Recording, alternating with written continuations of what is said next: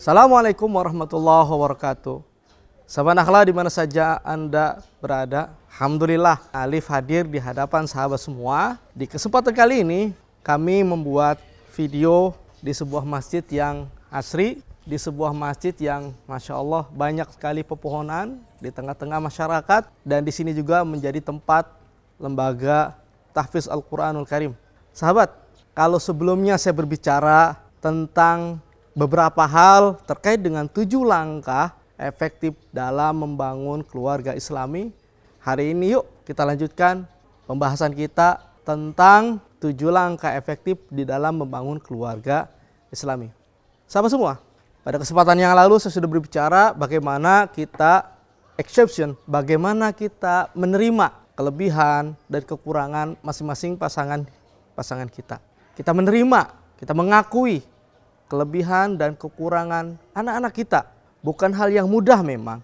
Ketika kita harus mengakui kelemahan, kita harus menerima secara utuh berbagai hal terkait dengan kepribadian pasangan hidup kita dan anak kita. Ada loh di antara mereka yang ternyata gagal dan berakhir pada perceraian.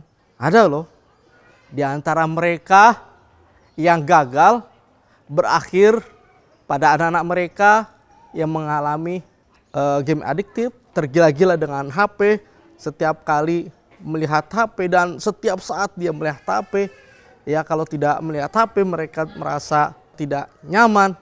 Ada juga yang mereka terjerumus ke dalam narkoba. Apa sebabnya? Sebabnya adalah tidak ada pengakuan secara utuh, tidak menerima secara utuh kehadiran seorang anak. Nah, sahabat semua, apa sih yang harus kita lakukan untuk kita mengakui kita menerima seutuhnya pasangan kita dan anak-anak kita tidak lain dan tidak bukan sahabat semua adalah melalui komunikasi aktif. Kita menjadi komunikator yang aktif bagi pasangan kita. Aktif listening, kita menjadi pendengar yang aktif bagi pasangan kita. Kita respect, kita menerima apa pun yang disampaikan oleh pasangan kita dan anak kita.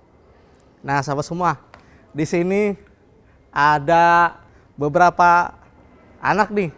Di sini juga ada beberapa contoh salah satu eh, jamaah sesepuh di sini.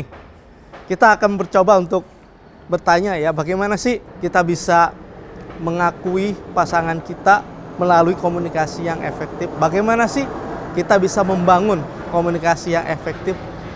Karena dengan komunikasi yang efektif, dengan kita mendengar menjadi pendengar aktif, dengan kita respect dari apa yang disampaikan, insya Allah ya itu menjadi salah satu jembatan kita untuk mengakui seutuhnya, menerima seutuhnya apa yang ada dalam diri pasangan kita, apa yang ada dari kelebihan maupun kekurangan pasangan hidup kita. Sekarang kita tanya ya sahabat semua, di sini ada Ajit, Ajit ya? ya. Ada Ajit. Nah di sini juga ada siapa? Abang Ibrahim, ya. Ingat sahabat, ketika kita bertanya-tanya atau ketika kita berdiskusi dengan anak, ya ketika anak duduk kita duduk. Ketika anak berdiri posisinya kita sejajarkan, ya. Dan kita sentuh anak kita, kita tanya anak kita dengan pertanyaan-pertanyaan yang tidak membuat dia itu sulit dalam menjawab. Ya, pertanyaan yang sederhana. Oke, sahabat semua, boleh duduk di sini ya. ya. Apinya, abang ya. ya. Oke, sebelah sini wes. Oke, sahabat semua untuk membangun trust agar mereka menerima kita, mengakui diri kita. Yang terpenting adalah dalam komunikasi ini juga adalah pertama kali bangun kepercayaan. Hubungkan diri kita dengan anak melalui kedekatan, melalui sentuhan, melalui postur dan gestur tubuh, melalui ekspresi wajah kita. Itu yang kita perhatikan sahabat semua. Oke, ada berapa hal nih yang kita tanyakan ya. Nah, Ajit, gimana kabar? Sehat? Alhamdulillah sehat. sehat. Abang? Sehat, alhamdulillah. Mas Wei sehat? Alhamdulillah sehat. Iya.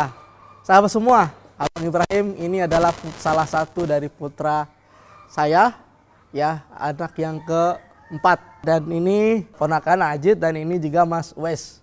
Nah sahabat semua, ya dalam bangun hubungan, dalam proses kita mengakui orang lain, dalam proses menerima orang lain, maka caranya apa? Caranya bangun komunikasi efektif dalam membangun komunikasi efektif atau juga ditambah dengan active listening, kita mendengar aktif, maka dalam membangun komunikasi efektif dan dalam kita merealisasikan active listening kita menjadi pendengar aktif agar lebih lebih masuk lagi sahabat semua, yang harus kita lakukan adalah building trust. Maksimalkan bahasa tubuh kita, ekspresi wajah kita, maksimalkan bahasa non verbal. Oke Ajit, kalau menurut Ajit nih, apa sih Ajit yang paling Ajit harapkan dari ayah dan mamahnya Ajit? Yang, yang Ajit paling harapkan nih saat ini?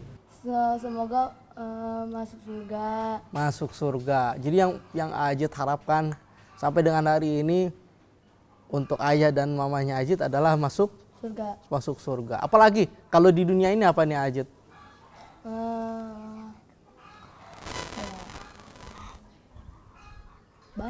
banyak. Satu aja deh dari yang banyak itu apa Ajit?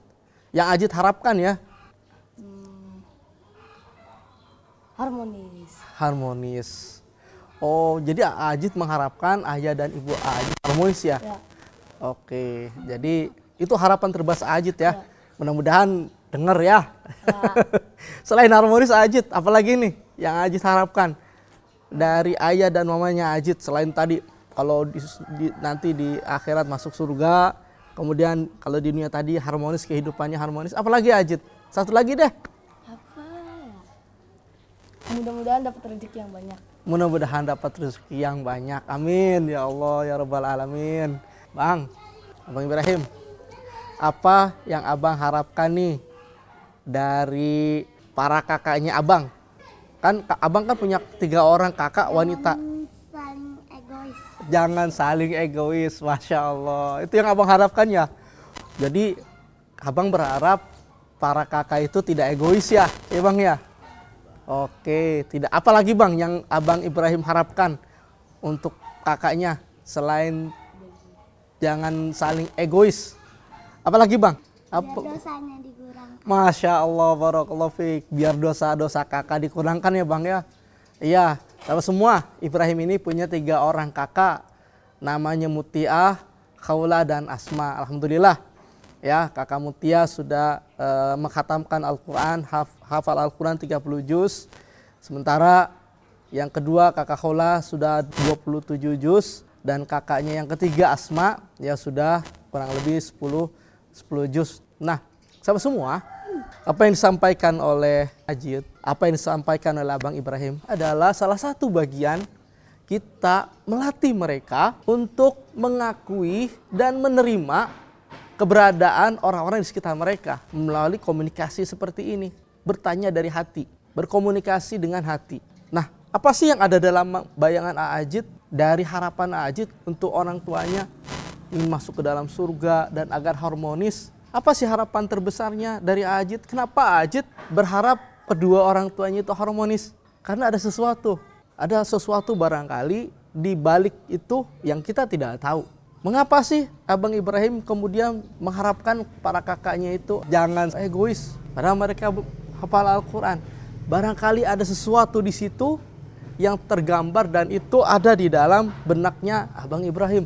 Barangkali itu adalah bagian daripada persepsi Abang Ibrahim tentang para kakak-kakaknya. Nah, dengan cara seperti ini, sahabat semua, dengan cara kita membangun komunikasi, pertanyaan dengan pertanyaan-pertanyaan yang deep question, pertanyaan yang mendalam, pertanyaan yang langsung dari hati mereka dan mereka menjawab dari hati mereka, itu akan membangun kebersamaan, akan membangun penerimaan dalam diri mereka terhadap orang lain. Nah itu sahabat semua, pentingnya langkah yang kedua mengakui kelebihan dan kekurangan orang lain sehingga muncul penerimaan secara utuh.